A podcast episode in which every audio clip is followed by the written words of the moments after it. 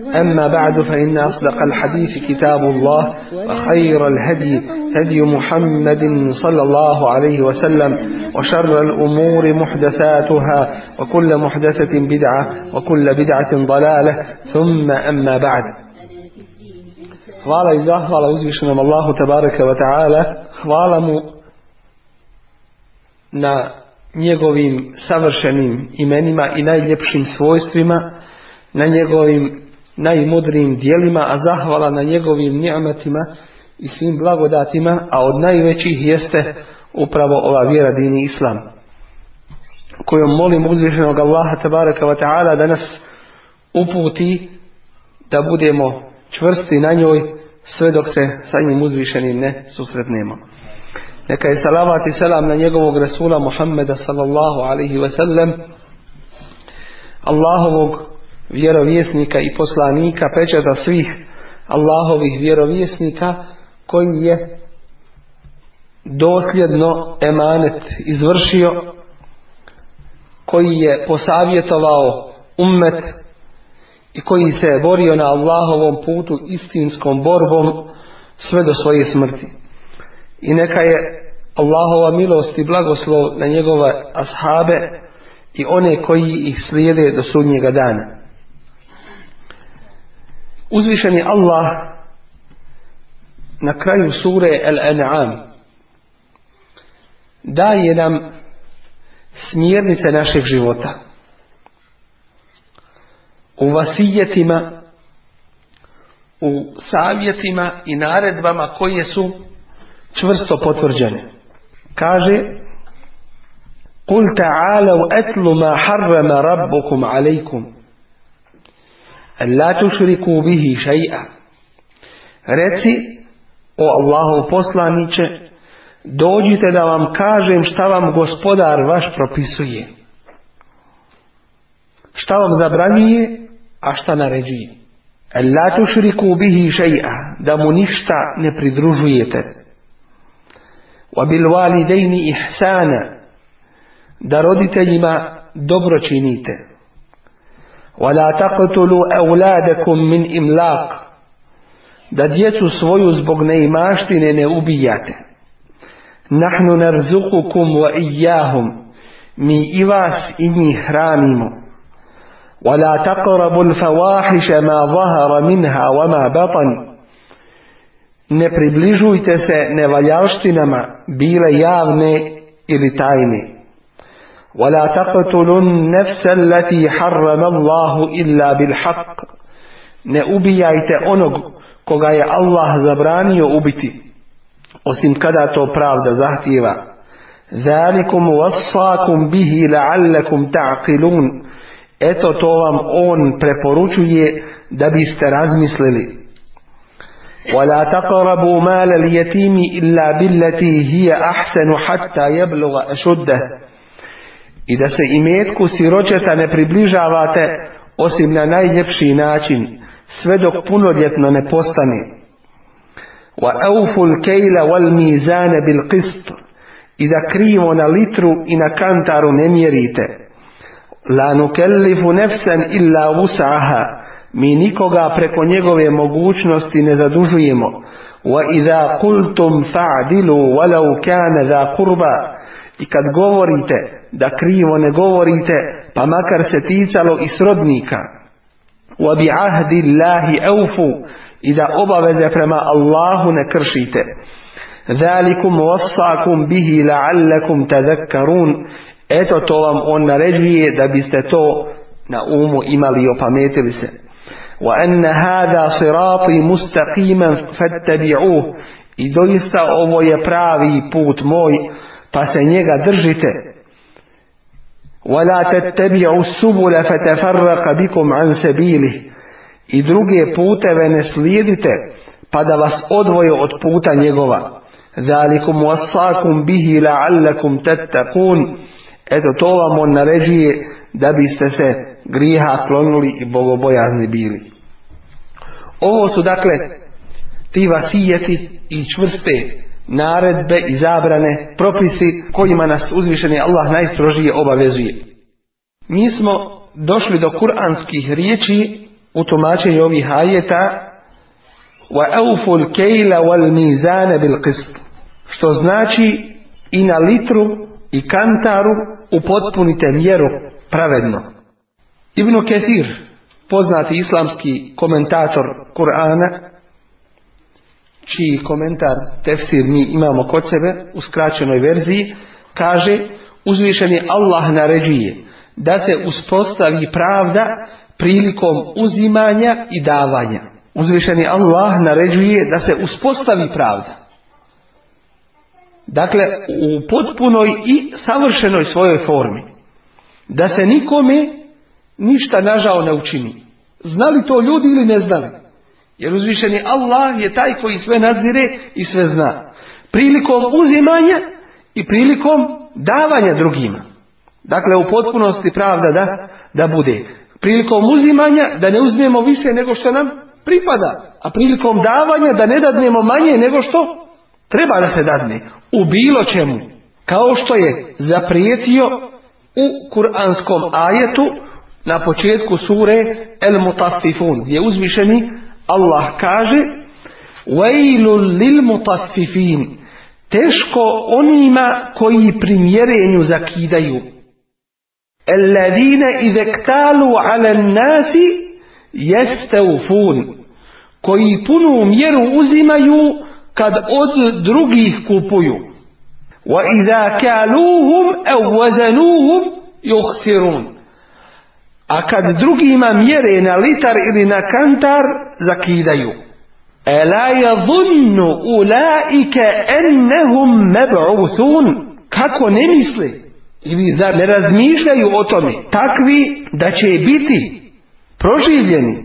Li jeumin azim na dan veliki jeume kumun nasu li rabbil alemin. Na dan kada će ljudi zbog gospodara svoga se dići i kada će ustati da odgovaraju za svoja djela.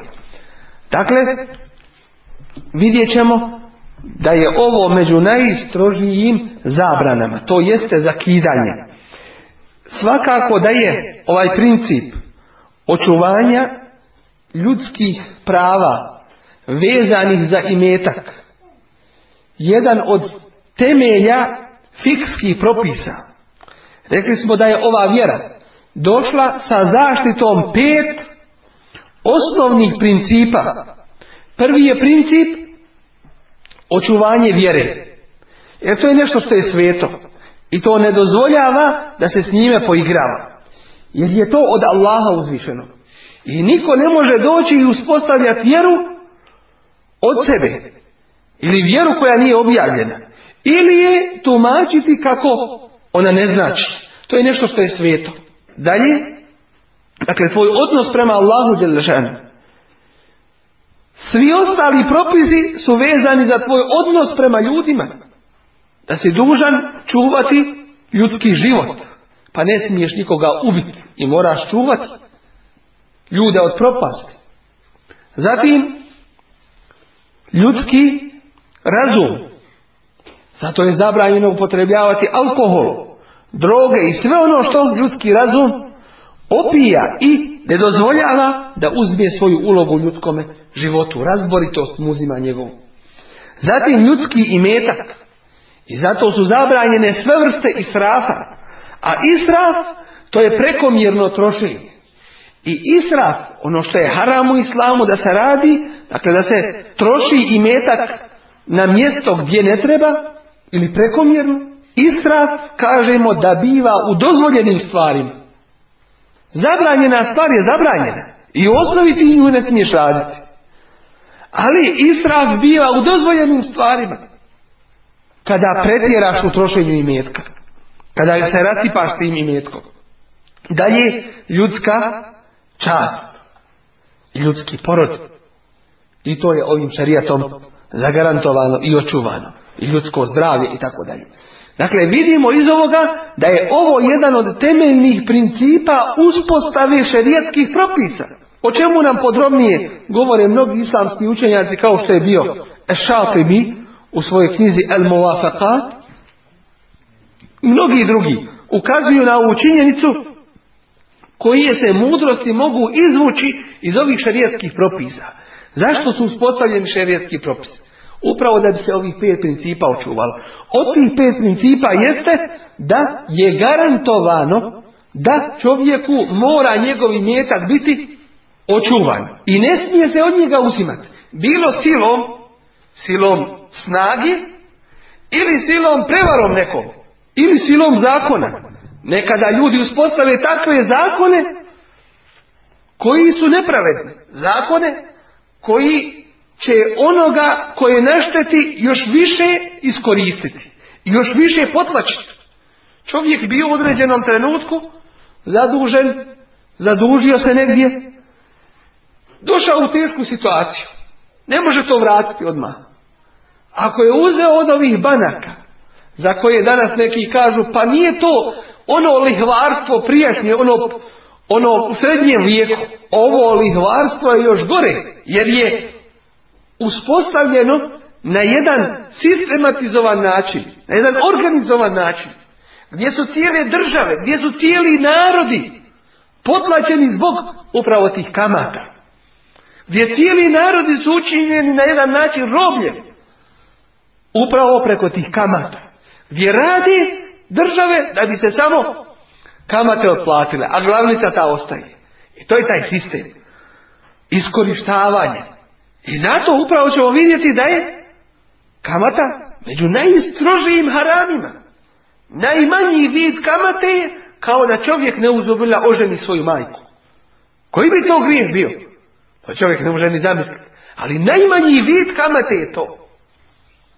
Za koji je Allah kaže, oni koji se bave kamatom, bilo da daju, uzimaju, ugovaraju kamatu, pišu, žiranti su svjedoci i tako dalje, neće ustati na drugi način, osim kao što ustaje čovjek koga je šeitan obuzeo.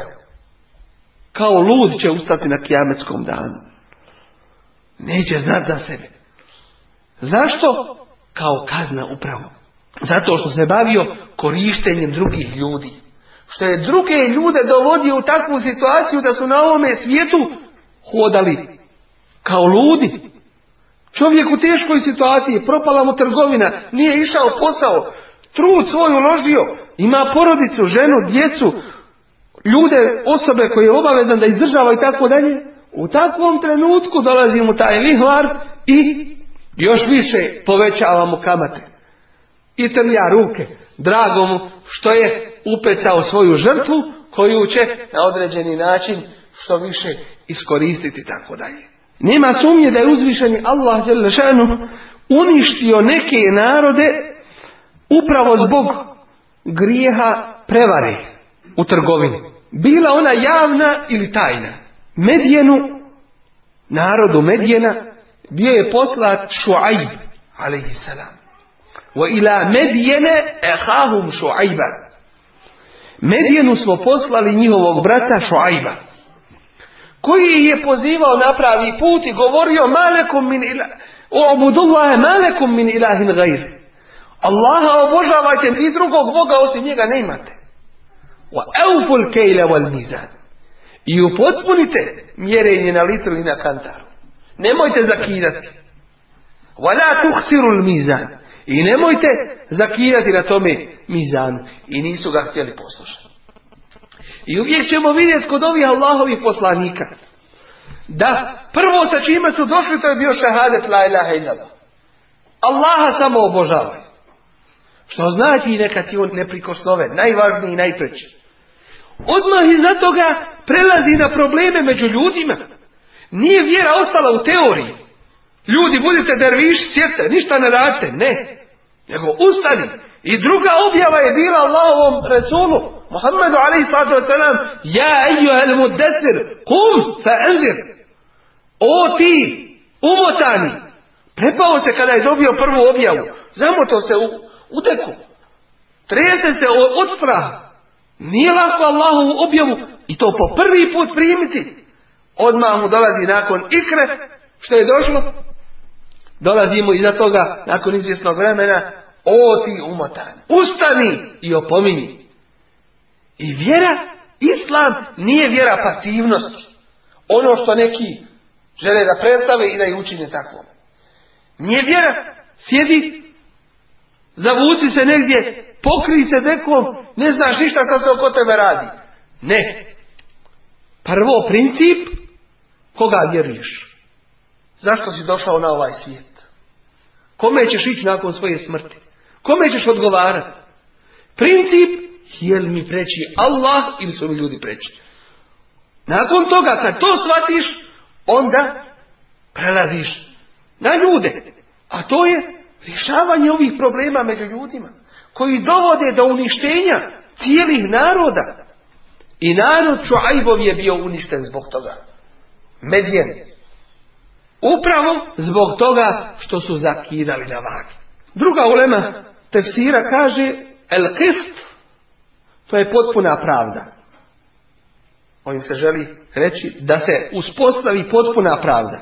Prenosi se od Ibni Abbasa, da su to njegove riječi, innekum emran heleket fihil Musa lifetu qablakum. Vi činite djela, vi radite ono zbog čega su narodi prošli prije vas bili uništeni. Reklo bi se sitnica, šta je to sitnica? Među ljudima ovaj ovoga prevari, a ljudi žive, onaj zarađuje i tako. Život teče svojim tokom. Ne, ne. Pogledajmo šta se dešava kada ove ovakve negativnosti uzmu maha među ljudima. Kada se to na jedan masovan način bude radilo. A još gore od toga, kada se bude na masovan način i na organizovan način zakidala. I zato ćemo naći primjera da neke države koje nisu države muslimana obstoje, ali što su uspostavili neke, neki od principa ove bare materijalne pravde. I zato Resul Ali pridavao je veliku pažnju tome. Nije dozvolio da iko bude iskorištavan. I zato između ostalog mi znamo da je naređivao da se radniku isplati prije nego što mu se znoj osuši. Znači, odmah naknada, odmah davanje prava, neudugovlačenje i tako dalje. Neki ovaj hadis, kao što je zapisano u Tirmizinoj zbirci hadisa, pominju i pripisuju Allahovom poslaniku, ali ali taj sened je daif, ne može se slab je taj sened, lanac prenosilaca, tako da se ne može prihvatiti, ali je ispravno da su to riječi, dakle nisu riječi Allahovog poslanika, ali sad sam već riječi poznatog mufesira Abdullaha ibn Abbas. Ja ću vam ovdje spomenuti, kad smo došli kod ove teme, hadis koji ste vi čuli, ali nije na odme da se na njega podsjetimo, hadis koji nam govori upravo o ovim Allahovim zakonima. On se nalazi u Ibni Mađinoj zbirci hadisa, sunenu u poglavlju El Fiten, iskušenja ili ispiti na koje će ljudi biti stavljani. Pod naslovom El Ukuba, kazne. Prenosi se od Abdullaha ibn omera, sina, dakle Omerovog radijallahu anhu, da je rekao Akbele alejna Rasulullahi sallallahu alaihi wasallame fekal. Obratio nam se Allahu poslanik alaihi sallatu i rekao Ja ma'šar al muhađirin, o skupino muhađira. Muhađiri znamo ko su. To su oni koji su napustili svoje kuće u ime Allaha Đalešanu, nisu se htjeli prevjeriti ili nisu htjeli svoju vjeru iznevjeriti pravu i ostavili su svoje kuće, svoja imanja, hijđru učinili, spasili svoju vjeru, svoje živote i nema sumnje da su oni bili na velikom jednom iskušenju. Ali ovom prilikom Allahov Resul Ali salam, tim ljudima koji su već prošli kroz određena iskušenja kaže im kakva još iskušenja mogu doći. Pa kaže o skupino muhađira Hamsun iz ibtulitom bihinne Petero kad njima budete iskušani wa billahi an tudrikuhunna Allah molim da ih ne dočekate. Desit će se drugih pet stvari. Ovi zakoni se zovu sunenullah. Sunnetullah. Allahovi zakon.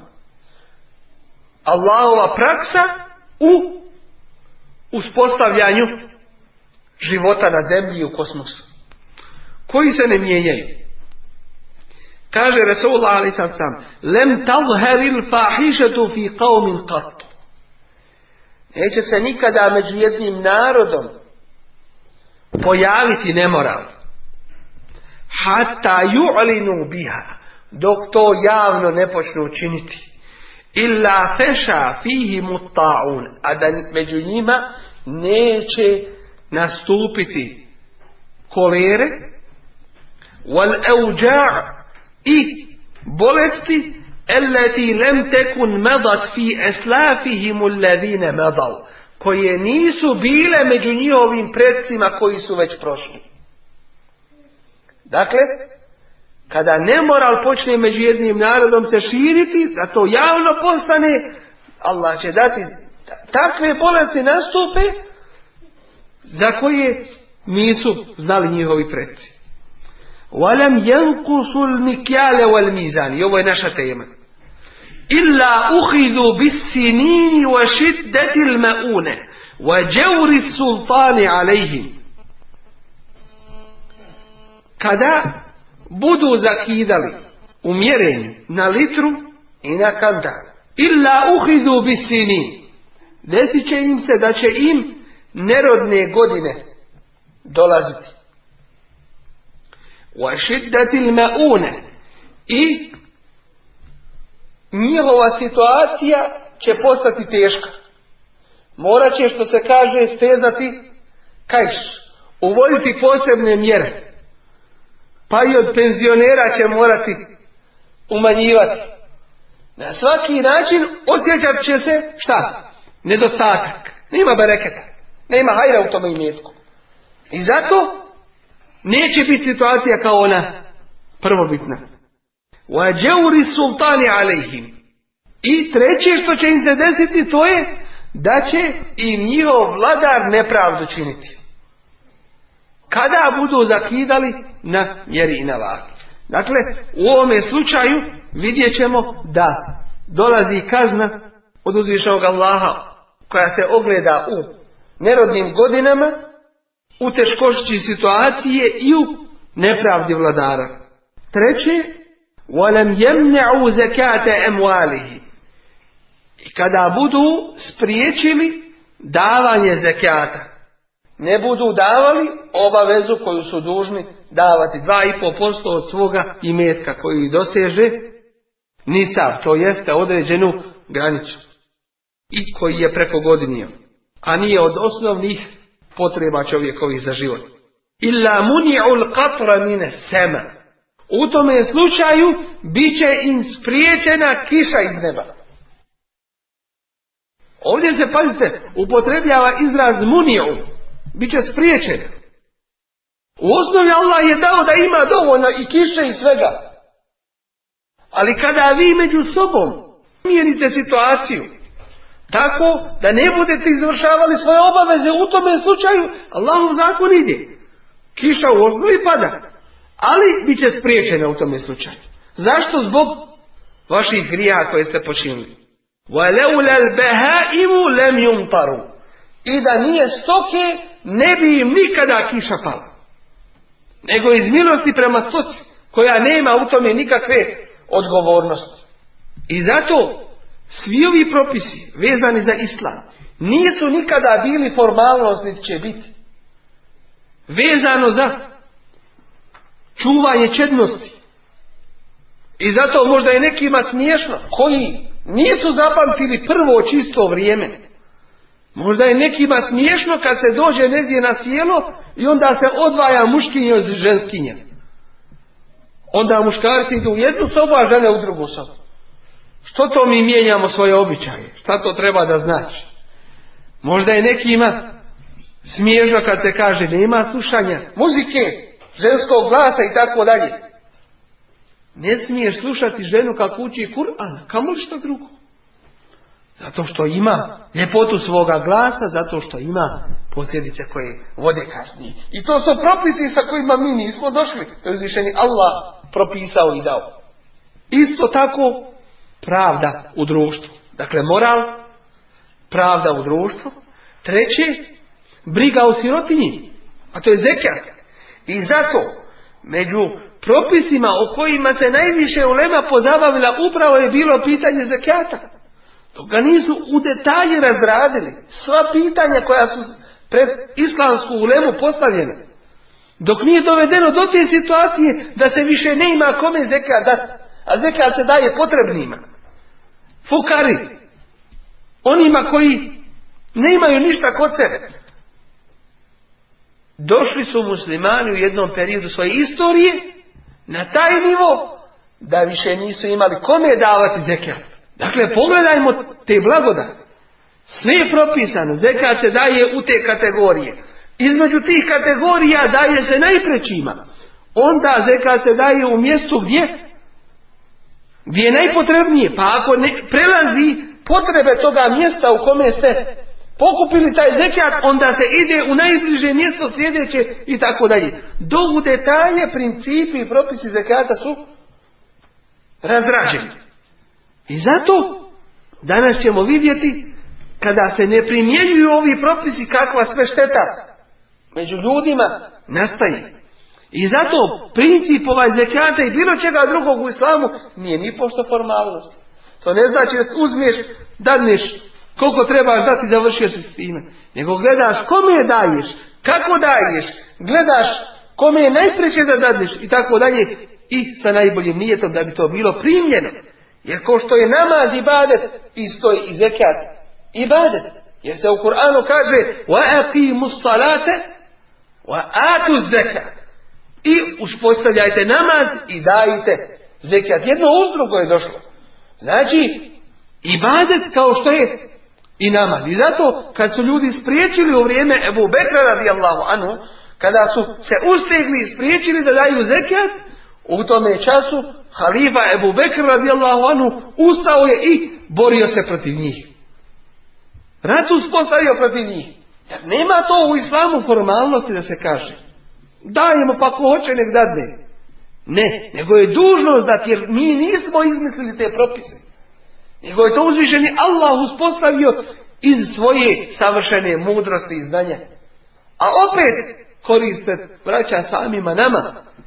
Od toga dobra ne treba ništa Allah. To treba samo nama. On traži od nas da mu budemo pokorni. A opet korist svih ovih postupaka naših vraća se opet nama. li enfusikum min hajrin teđi duhu inda Allah a ono što uradite od dobra za sebe, Allah kaže, Allah naziva da je to dobro za sebe da se ga uradio. To ćete naći kod Allah Dakle, neće ti zasigurno to propasti dobro djelo. Četvrto, وَلَمْ يَنْقُدُ عَهْدَ اللَّهِ وَعَهْدَ رَسُولِهِ I neće iznevjeriti ugovor sa Allahom i ugovor sa njegovim Resulom. Dakle, držanje vjere. To je ugovor. Držite se vjere. Ugovor koji smo mi preuzeli. Od uzvišnjog Allaha Đelšana. Preko ovoga kitaba, i Kerima, preko prakse Božeg poslanika, ali sada se Jesmo li uspostavili našu vjeru kako treba? Je li naš islam u našem životu svakodnevnom onakav kakav bi morao biti? kada ljudi prekrše taj zavjet držanja do vjere. Zavjet koji su dali Allahu i njegovom Rasulu alaih sallatu wasalam illa sallat Allahu alaihim aduva min gajri. Allah će dati da na njih navali njihov neprijatelj koji je izvan njih. Sa strane negdje. Sallat Allahu Allah će na njih, što bi mi rekli u našem narodnom govoru, naklatiti. Dati da na njih navali, da ih pritisnu njihovi neprijatelji. Fe ehadu ba'da ma fi ejdihim. Pa će uzeti nešto od onoga što je u njihovim rukama. Ti neprijatelji uzet će nešto od onoga što je u rukama muslimana bilo. Kada muslimani napuste ovaj najveći ugovor, a to je držanje da Allahove vjere. Kad im bude svejedno, ko se drži, ko se ne drži. Primjena vjere, kad im bude to nešto neobavezno. Kad bude vjera od Bajrama do Bajrama, u tome slučaju očekivati je navalu neprijatelja i zlo koje dolazi sa strane. I peto, وَمَا لَمْ تَحْكُمْ أَئِمَّتُهُمْ بِكِتَابِ اللَّهِ i kada njihovi predstavnici ne budu vladali po Allahovoj knjizi, njihovi imami, muftije, kadije, predstavnici politički, ekonomski i tako dalje. Kad bude preći šta će mu reći ovaj i onaj, nego šta je rekao uzvišeni Allah, kad se bude udovoljavalo svakome, a ne bude Allahovoj vjeri, وَيَتَخَيَّرُوا مِمَّا أَنْزَلَ اللَّهِ I ne budu gledali u onome što je uzvišeni Allah objavio da je to najbolje. Budu dakle Allahovoj knjizi i praksi Allahovog Resula alaihi salatu budu pretpostavljali nešto drugo. Kad im kažeš gdje je Kur'an kod vas? Gdje je Allahov Resul i njegova praksa kod vas? Oni odgovaraju, to je vrijeme prošlo. To je onda bilo. Mi poštujemo Kur'an, poštujemo poslanika, ali to je naravno. Ali mi radimo kako mislimo da je u redu. Kako je to poštivanje? Kada imamo roditelje koje smo dužni poštivati, paziti i lijepo se s njima I kada nam nešto kažu i narede, i to najstrožije, onako što je dužnost da se u potpunosti uradi. A mi onda kažemo, ja tebe poštujem najviše, ali ti sjedi kod kuće, ja neću ništa uraditi to što si mi ti rekao, ja ću drugačije raditi po svome nahođenju. Jel to poštivanje? Gdje se ogleda poštivanje osim u slijedjenju, neprikosnovenom? To jeste prihvatanje ovih Allahovih propisa. Inače, gdje se onda može poštivanje vidjeti? Poštivanje na jeziku, to je samo uljepšavanje govora i to je samo lijepo prikazivanje i za koga dijela nekakvih nema. Dakle, Ovdje se traži da bude ono što je Allah objavio, dakle i Kur'an i praksa Allahovog poslanika, ono što je sveto. Da bude najpreće ljudima. Kad to tako ne bude, kad ne budu vladali se po Allahovoj knjizi, kada im ne bude Allahova vjera najpreća njihovim prvacima, pa razumije se i onima koji ih slijede, u tome je slučaju Allahu Uzvišeni Allah će dati žestinu među njima. Da jedni druge ne mognu. Da ne trpe jedni drugi. Da se raziđu. Da govore jedni protiv drugih. Da bude jednom riječu ono što se govori nejedinstvo među muslimanima. Mi ćemo danas čuti mnogi koji govore i kažu problem među nama je nejedinstvo. Problem nejedinstva. Kako riješiti problem nejedinstva? Kako ga riješiti kad se mi smijemo onima koji primjenjuju praksu Allahovog poslanika ali sato Salam?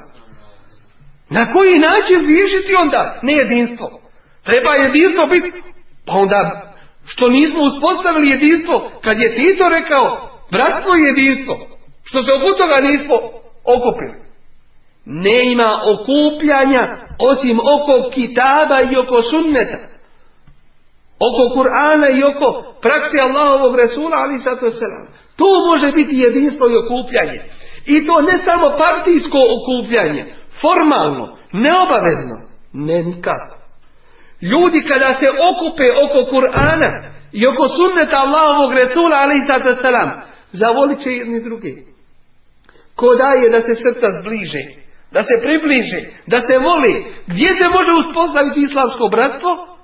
nikada ne može preko dunjalučkih interesa, nikada ne može preko ovog i onoga osim preko Allahove knjige i prakse Allahova Resula ali To je ono što je ključ rješenja da se muslimani danas ujedine i da budu jedinstveni ne samo na nivou određenog manjeg područja nego na nivou čitavog svijeta kad se svi budu održali ovih jasnih propisa. Ali kad jedni muslimani budu imali jedne i jedne novotarije, a drugi muslimani druge, a treći treći, to su skroz različite vjere koje nikada ne dovode do ujedinjenja. Kada se budu dijelili na turski islam, bosanski, europski, arapski, od toga nema ništa. Ima jedan islam koji je čist izvoran, koji ne trpi da mu se išta pridodaje, što nije čisto izvorno od njega, niti koji dozvoljava da se išta iz njega izdvoji i da se ostavlja i napušta. To su ti principi koji dovode do ujedinjenja.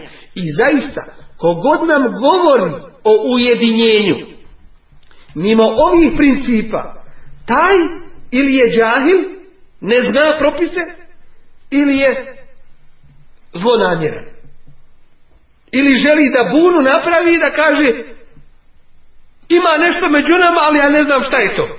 Problem je, pa da se ljudi okreću jedne oko drugih i da sumnjaju jedne od drugih.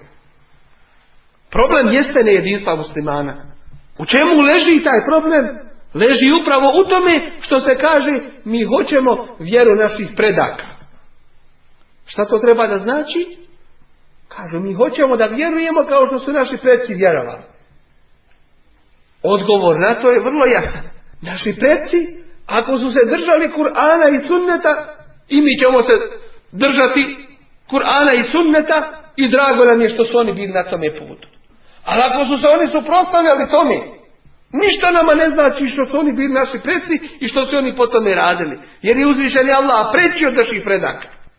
I zato naša vjera nije vjera predaka, nego vjera Allaha Đelešanovu. Zbog kojeg ovo vjerujemo i zbog kojeg ovo radimo. I zato nema hatera, i zato nema onoga koje preći da se u ime njega radi od uzvišnog Allaha Đelešanovu. I to je taj princip. da tvoga la ilaha Allah Muhammedun Rasulullah. Vjeruješ da ti je Allah najpreći. Preći i od tebe samoga i od tvoje rodbine i od svih dunjalučkih interesa i svega. A Muhammedu Rasulullah da ga slijediš, da je on Allahov poslanik priznaješ i potvrđuješ svojim djelima i uzimaš ga kao svoj uzor. To je ta osnova. I još ćemo jedan princip ovdje spomenuti koji je u ovome ajetu naglašen, a to je la nukellifu nefsen illa vus'aha. Mi nikoga ne zadužujemo osim njegovom mogućnošću. Iz ovog ajta shvatamo da je uzvišeni Allah taj jedini koji zadužuje ljude. Niko drugi to ne može. Ljudi mogu samo reći, ja vas obavezujem da to i to uradite zato što je Allah uzvišeni to rekao. Zato što je njegov poslanik, ali to to prenio od uzvišenog Allaha. Ali da neko od nas kaže, ja vas time zadužujem, zato što ja to kažem. Zato što ja vidim da je to tako. Onda pravimo male faraone. Isti onaj koji je rekao, ma urikum illa ma era. Ništa vam drugo ne pokazujemo osim ono što ja vidim. Dakle, mene slijedite samo. To je tako što sam ja to rekao. Ne može to tako. Jer ovu vjeru uspostavlja sam uzvišeni Allah. A poslanik i ostali Allahovi poslanici, oni samo je prenose ljudima. La nukellifu nefsan illa us'aha, ovo je jedan veliki princip u šarijetu. Da je Allah ničim ne zadužuje čovjeka što nije u njegovoj moći i mogućnosti. Ničim čovjeka ne zadužuje što nije u mogućnosti da uradi. Juridu Allahu bikumul yusr, wala juridu bikumul usr. Allah hoće vama da olakša, a neće da vam oteža. Wallahi da je htio, uspostavio bi takve propise koje niko od nas ne može ispuniti. Ali nije to Allahova namjera. Htio je da izvršavamo i zato je propise uspostavio koje možemo ispuniti. I zato jedan primjer, arapski kaže Ida da en tuta fa'mur bima Kad hoćeš da budeš poslušan, onda naredi ono što se može izvršiti. Nemoj naređivati nemoguće stvari. Evo uzvišeni Allah upravo nam je dao ove propise koji su svi u granicama naše mogućnosti. I zato kada dođemo u situaciju da nam uzvišeni Allah naređuje određeni propis, nešto da moramo učiniti. Ili nečega da se moramo kloniti, čuvati se nečega. Ali naiđemo na takvu situaciju da to ne možemo izvršiti. Šta u tome slučaju?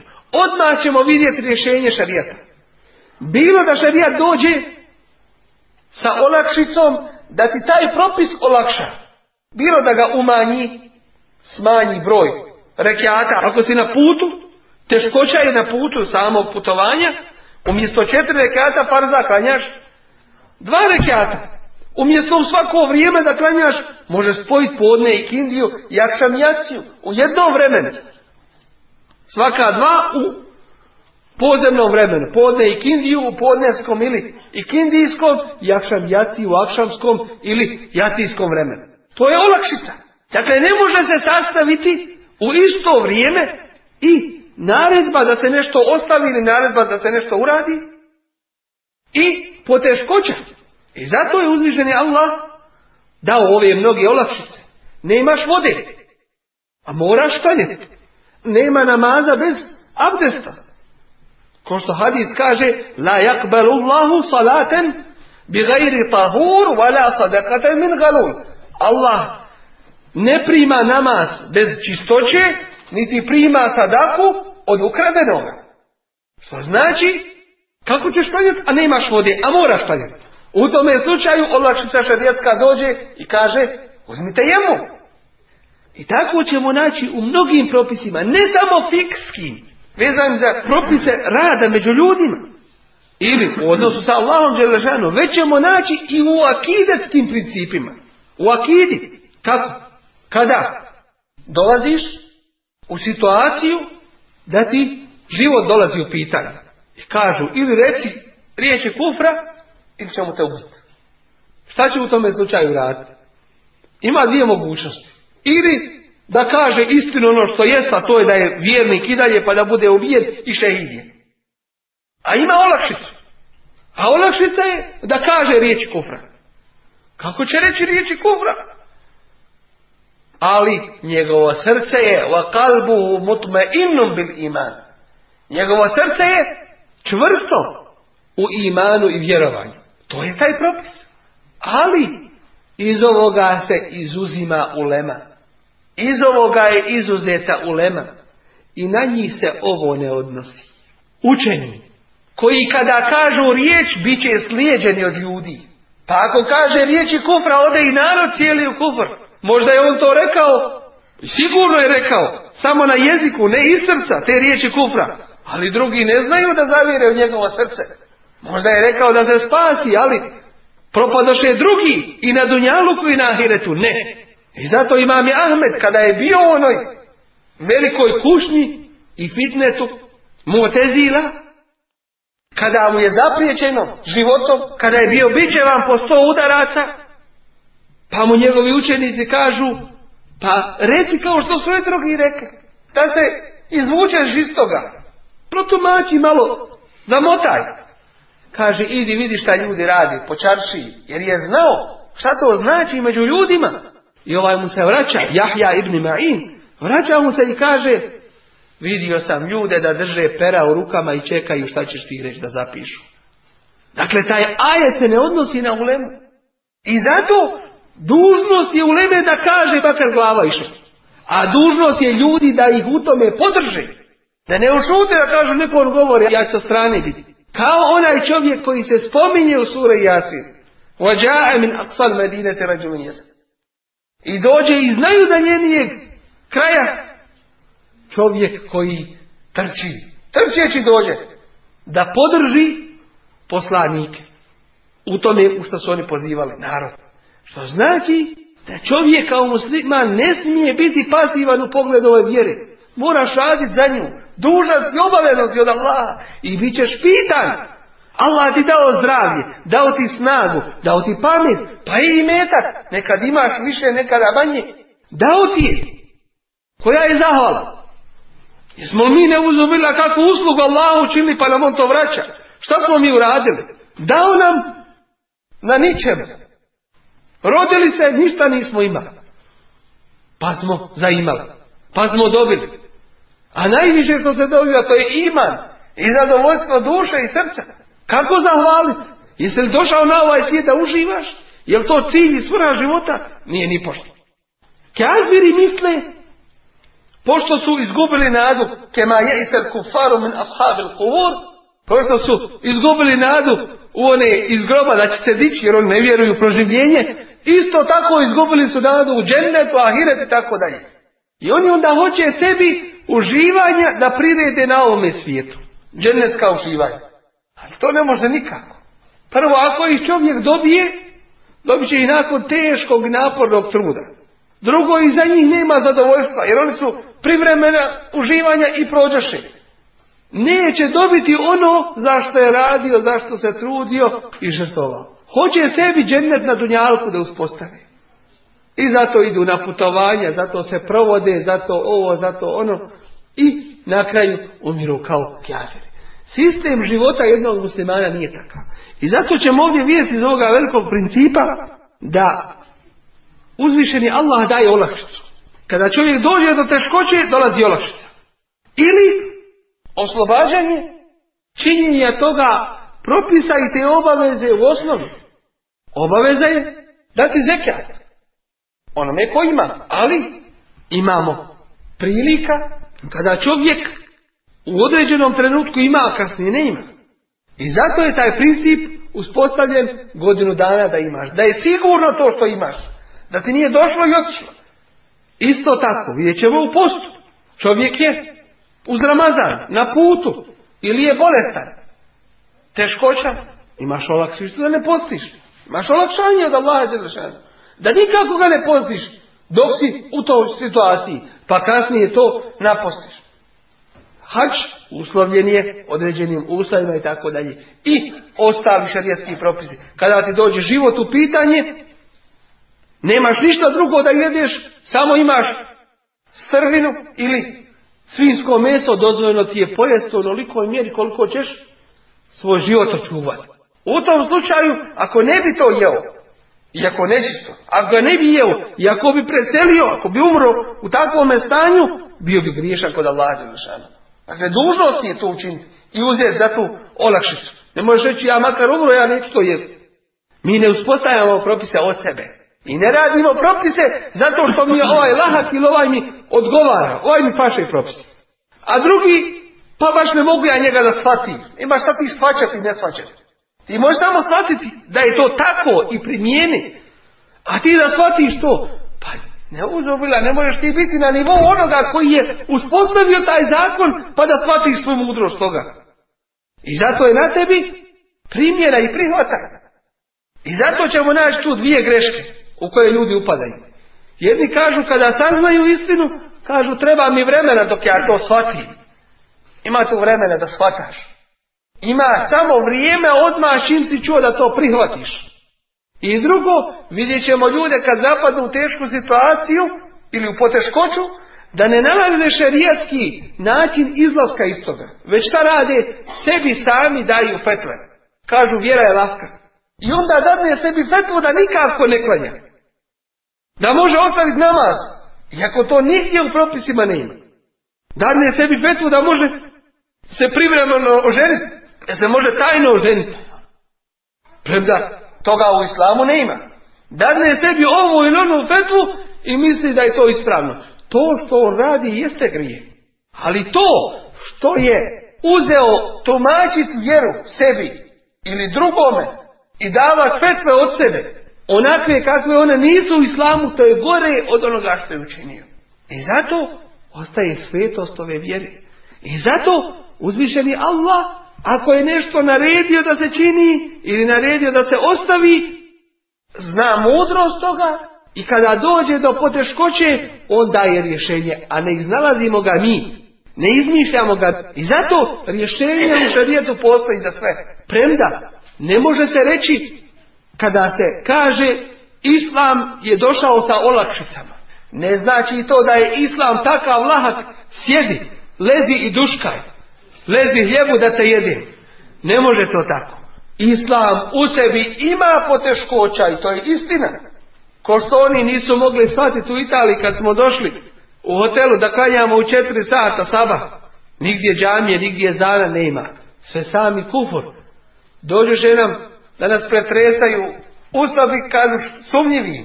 Što sumnjivi? Kaže, ustajete u to doba, šta to vi radite? Volimo se Bogu, Allah, imamo svoga on se uvatio za glavu, ne vjeruje. kako to moli se Bog, kaj mi u godini, jedan put. Pa takva je vaša vjera batel, ne vrijedi. Šuplje, nema fajde od toga. Ovo je Allahova vjera. Hoćete u četiri sata ima da skočiš. Da ti je došao neko, šef, da ti je došao u vojci, oficir i ovo, mora bi skočiti. To nasmijanje. A ovdje, Allah, gospodar svih svjetova, ima li toga ako se s njim može porediti? I kad ti naredi, e može svakako. Kao da neuzubila čovjek kaže od sebe, pa ne znam, nisam ja njega vidio neuzubila. To su riječi kufra. Znači sumnjaš u njegov postojanje? Neuzubila. Dakle, te stvari i se biti razlikujemo od drugih.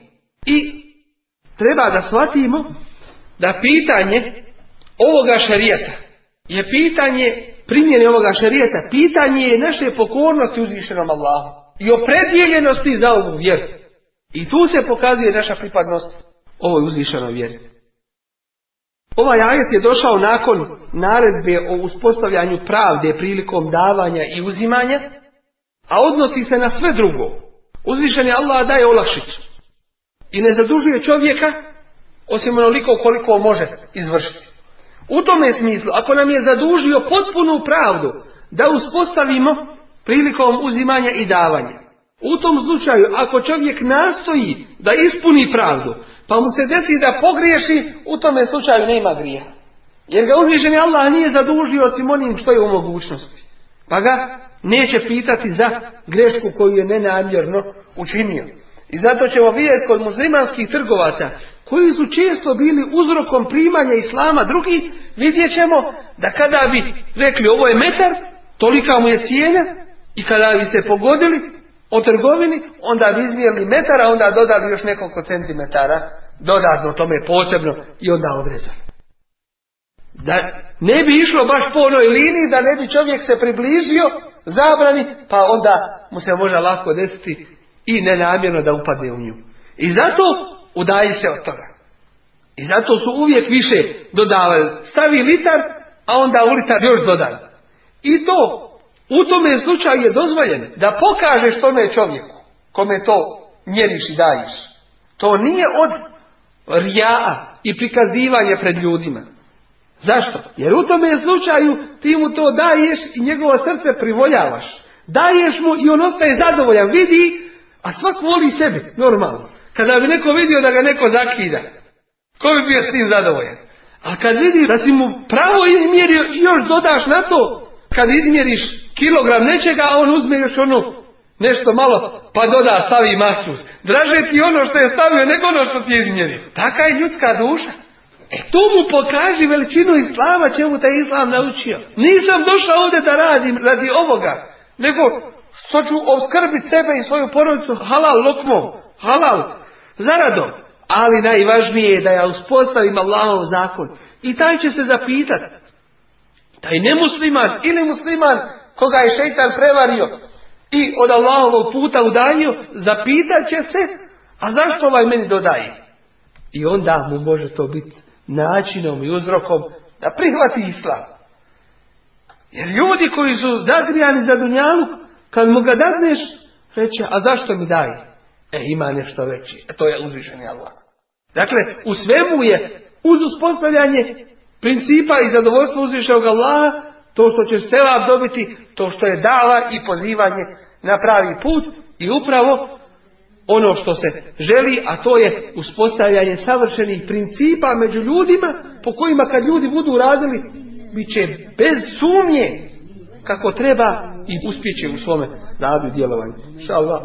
U sljedećim kazivanjima govorit ćemo o kuranskom ajetu i kada budete govorili, budete pravedni, kad se radilo i o vašim bližnjima ili protiv vaših bližnjih. Molim uzvišnog Allaha tabaraka wa da nas pomogne u shvatanju ovih ajeta, njegovih poruka i da nas učvrsti na njegovom siratu